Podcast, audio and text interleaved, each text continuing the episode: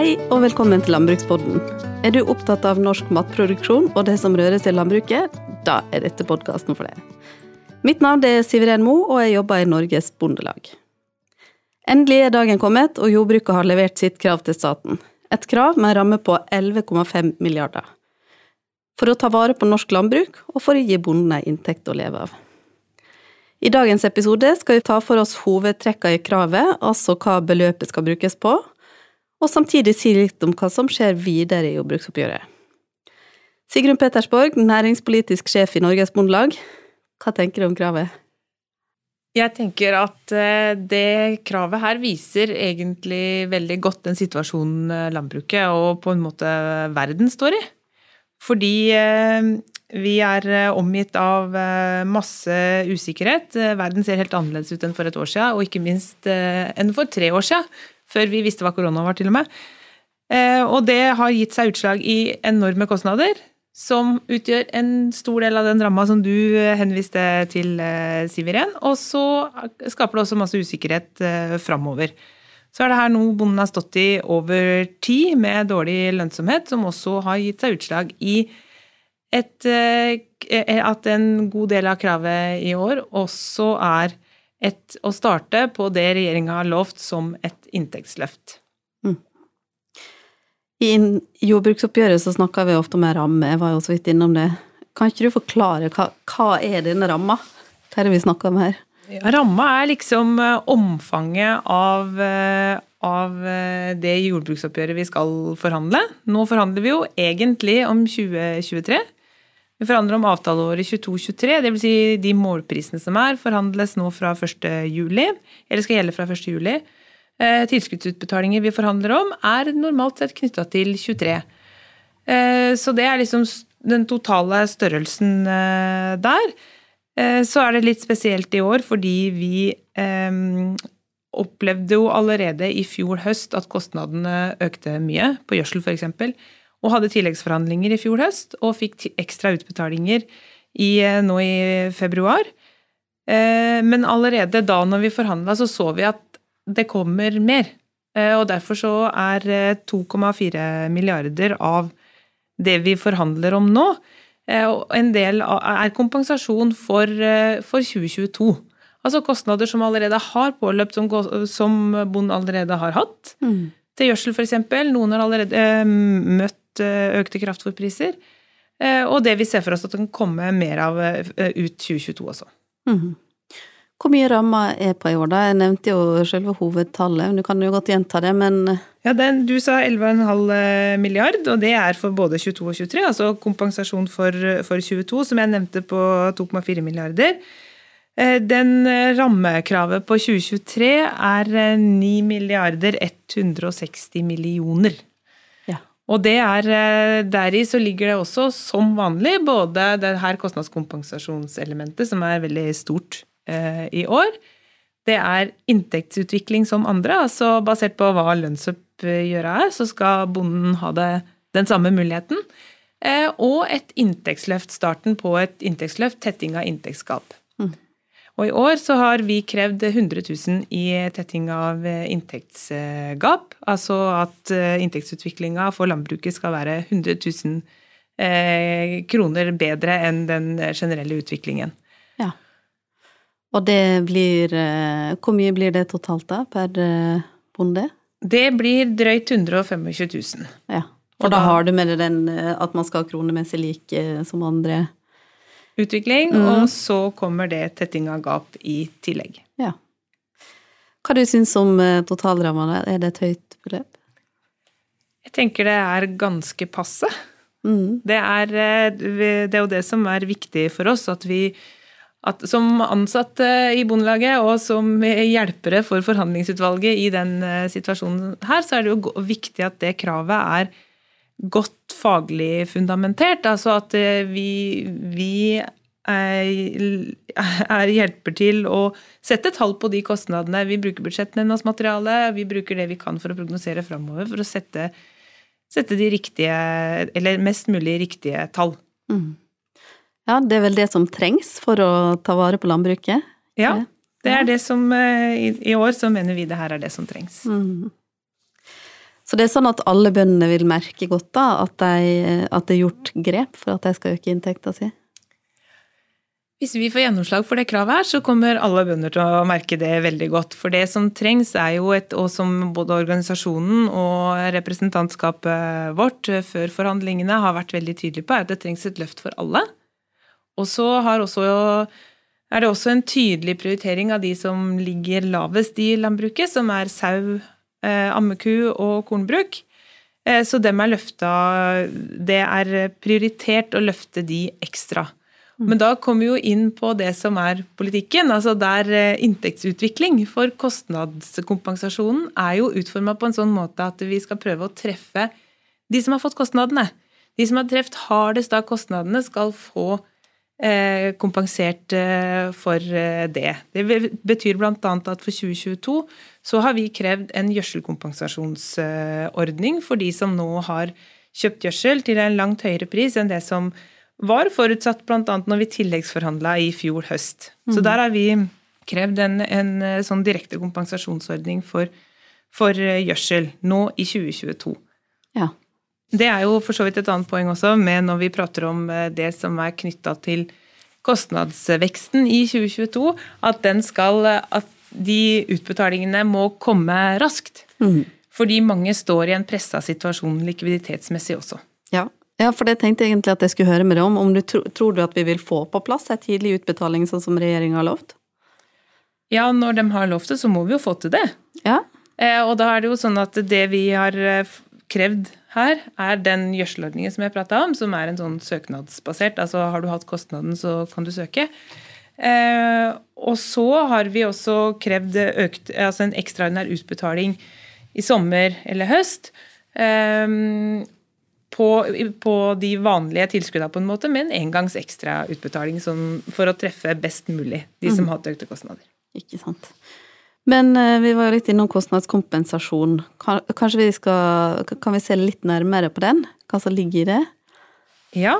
Eh, det som mange har eh, observerer veldig tydelig sjøl òg, er jo at kostnadene øker på, på, på, det meste.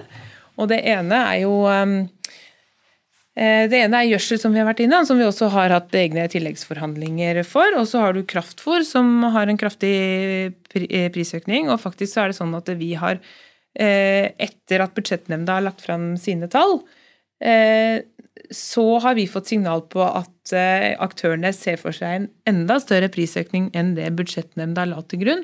Ja. Så der har vi lagt inn ca. 400 millioner ekstra i mm. forventa kostnad. Ja. Så det jo, vil jo utgjøre en altså Kraftfôr utgjør en eh, betydelig del av, eh, av kompensasjonen, kompensasjon, altså det, det, som trengs av kostnadskompensasjon. Gjødsel, som vi var innom. Og så vet vi at det er gjort ting for å avhjelpe situasjonen også, sånn som f.eks. denne strømordningen. Mm. Som da på en måte gir en gitt strømpris ikke høyere enn 70 øre, både ut 2022 og inn i 2023. Så, så, der er det tatt veldig målretta grep, og, og, det er jo ikke en kostnad som vi tenker at kommer til å Eller som vi har lagt til grunn at kommer til å vokse inn i 2023. Mm. Hvordan tror du krigen i Ukraina har påvirka dette med råvareprisene? Det har jo hatt en voldsom effekt hittil. Eh, eh, både fordi det produseres gjødsel og det dyrkes korn, både i Ukraina og i, Russland, som eh, vi nå ikke handler med. Men den største innvirkningen er kanskje det her som gjør markedene så nervøse. Og som har fått, fått folk til å tenke at kanskje vi ikke får tilgang til den maten som vi alltid handler, og som vi alltid tenker at vi kan kjøpe som nasjon. Mm. Så det er åpenbart påvirka, og det, det, tror vi også at, eh, eh, at påvirker eh, hvordan det her jordbruksoppgjøret vil bli behandla. Vi har vel sett det allerede i dag med den oppmerksomheten som har vært rundt det. Mm på fordeling av midler. Du sa at alle vil merke det, men eh, kan du si litt mer om de som er ekstra prioritert? Ja, på sau så, så hadde vi også noen føringer fra Eller vi har fått veldig tydelige innspill både fra organisasjoner og, og fylkeslagene våre og på det representantskapet vårt. Så der eh, vedtok, de vedtok en resolusjon. Og da, en av de tinga som vi har krevd på sau, er driftstilskudd. Som er en, eh, direkte fra resolusjonen på representantskapet. Som altså er et driftstilskudd eh, over samme lest som det man har for melk og ammeku. Eh, som slår inn på, på besetninger fra 20 til 75 dyr. Ja. Og på ammeku, da? Der har vi også et, et, nytt tilskudd som vi har krevd, som er et beitetilskudd, egentlig, for ku med kalv. Mm. Så det er jo et, et slags lite kinderegg. Som er både har det en Er det dyrevelferdsmessig godt å legge til rette for, for at kalver kommer seg på, på beite? Eller legge godt til rette for det. Og i tillegg så er det vil det være et tilskudd som treffer ammekuprodusenter godt, som jo er blant de som vi skal eh, prioritere mm. i det her kravet. Og det kom vel også frem i representantskapsmøtet, hvis jeg husker riktig? Det er helt riktig.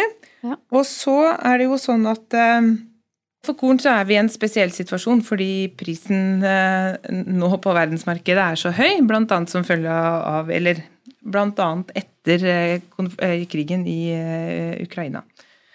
Og så er det sånn at I utgangspunktet har vi en markedsordning for korn i Norge som gjør at kornbonden veit hva som han får for, for, kornet sitt, og husdyrprodusenten har forutsigbarhet for prisen på norsk korn inn i kraftfôret. Mm. Men over tid så kan vi ikke stå i en sånn situasjon hvor norsk pris er lavere enn verdensmarkedsprisen, for da vil jo etter hvert prisen altså Da vil ikke den norske prisen, eller prisen på det norske kornet kunne styres. Den blir verdensmarkedsprisen når kraftfôrprodusentene skal ut og, ut og handle. Eh, så derfor så har vi økt målprisen på korn kraftig, med 1 krone og 20 øre på, på mathveite. Og det har vi gjort basert på, på innspill, altså hva, hva vil eh, kornprisen være til høsten? Eh, så dette er den, den, eh, prisen vi mener eh, Den internasjonale prisen vi, Eller den kornprisen vi vil se internasjonalt til høsten, pluss litt for å holde den norske prisen over det. Ja. Så det er en kraftig målprisøkning på korn som åpenbart vil komme kornbruka til gode. Og så får det en kostnad i den andre enden for de som kjøper kraftfôret. Eh, sånn at eh, vi har eh, sagt at i den spesielle situasjonen vi står i nå, så bør vi suspendere den vanlige prisnedskrivningsordningen hvor du tar ned prisen på norsk korn inn i kraftfôret. Og så bruker vi heller de penga og litt til til å redusere prisen på det ferdige kraftfôret. Altså vi skriver ned prisen mm. på ferdig kraftfôr, sånn at ikke husdyrprodusenten skal sitte igjen med hele regninga. Mm. Og så er det jo også lagt opp til i, i når, vi, når, vi, har prognosert for 2023, så tyder jo alt på at eh, det kan tas ut økte priser i markedet også. Både de prisene som fastsettes i jordbruksavtalen, sånn som målprisen på korn, som vi sa, målprisen på grønt har vi fastsatt til en økning på 15 eh, og på melk på 36 øre. Men eh, vi, vi, legger også til grunn at eh, Nortura vil klare å ta ut høyere priser på kjøtt og egg. Eh, der de er eh, prisfastsetter som, eh, når de setter planlagt gjennomsnittlig angropris. Ja. Så det, man vil jo hente mer i markedet også. Det er en generelt høy kostnadsvekst som også, også gir rom for å øke prisene for de varene landbruket produserer ute i markedet. Sånn at når det kravet for 2023 er finansiert delvis med målpris, eh, til sammen halvannen milliard, så får det litt effekt i 22 og litt effekt i 23 Eh, og, og, så resten budsjettoverføringer, som da er 8,1 milliarder kroner. Mm. Og noen av de, eller litt av de budsjettoverføringene bruker vi jo på et, et nytt tilskudd. Eh, som eh, er et tilskudd til dyrevelferdsprogram, egentlig, eller et dyrevelferdstilskudd for de som gjennomfører de her dyrevelferdsprogrammene som kommer i alle produksjoner etter hvert. Ja. Det er viktig at når det kommer eh, sånn ty den type nye krav, og et dyrevelferdsprogram er jo et krav egentlig, og vil i hvert mm. fall bli det over tid, at, at, bonden har anledning til å få utgiftene til det kompensert. Det er for de som, deltar, som har, går gjennom dyrevelferdsprogram på sine produksjoner. Mm. Så det skal ikke koste bonden ekstra å være med på et dyrevelferdsprogram? Det her skal hjelpe til på det, ja. ja. Men på velferdsordninger, har dere gjort noe der? Ja, det er en av de, eh, også en av føringene både fra organisasjonen og fra, fra representantskapet direkte. En prioritering av velferdsordninger. Eh, og det er prioritert eh, høyt, og er, vi har lagt eh, generelt sett en 10% økning på bevilgningen til velferdsordningene. Og det er ulike ting. Det er avløsning ved eller ved sykdom og svangerskap og fødsel, f.eks., som, som vi får mange innspill på mm. fra bl.a. unge damer. Eller unge bønder generelt. Mm. Så det er viktig for, for, gå, for at vi skal ha folk som vil gå inn i næringa. Mm. Ja, det er veldig viktig. Og så um, vet jeg jo at det også var, var, snakk om at det skulle komme noe på eh, Altså at vi, det er jo veldig usikkert nå hvordan kostnadene blir framover. Er det tenkt noen tiltak på for å sikre det? Ja, usikkerhet er jo virkelig et sånn uh, overordna tema her, sammen med matberedskap, egentlig. Eh, og et inntektsløft.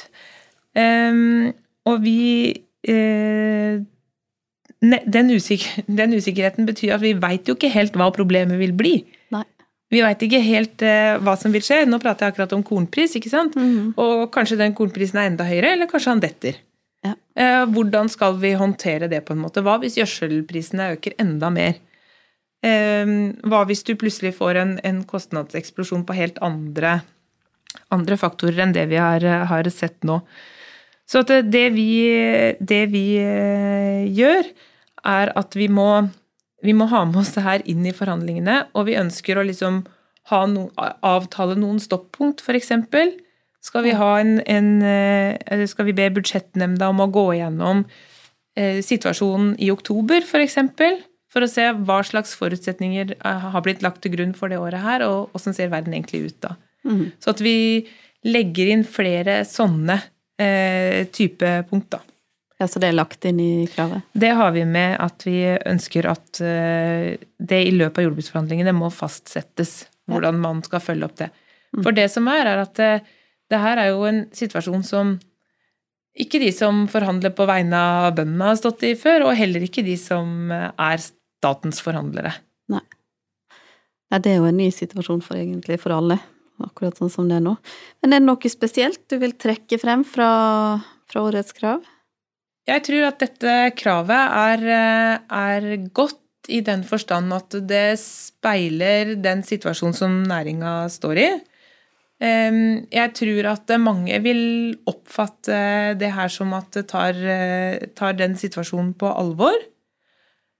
Eh, og at eh, vi har klart å, å, og kanskje sette tall på den kostnadsutviklingen vi ser. Vi har eh, tatt eh, vi, har ut, vi, utfordrer regjeringa direkte, egentlig, på å komme i gang med et inntektsløft mm. eh, for landbruket. Eh, og så er det jo sånn at det er ikke bevilga ei eneste krone i dag. Sånn at eh, nå har vi levert eh, vårt krav, som vi håper at der vi håper at vi har fanga, eller at forhandlingsutvalget har fanga opp det organisasjonen ønsker, og det landbruket trenger. Og så er det jo staten som må komme oss i møte, sånn at eh, vi kan forhandle fram gode løsninger for eh, norske bønder før 17. mai. Mm. Og det er store forventninger her? Kjempestore mm. forventninger.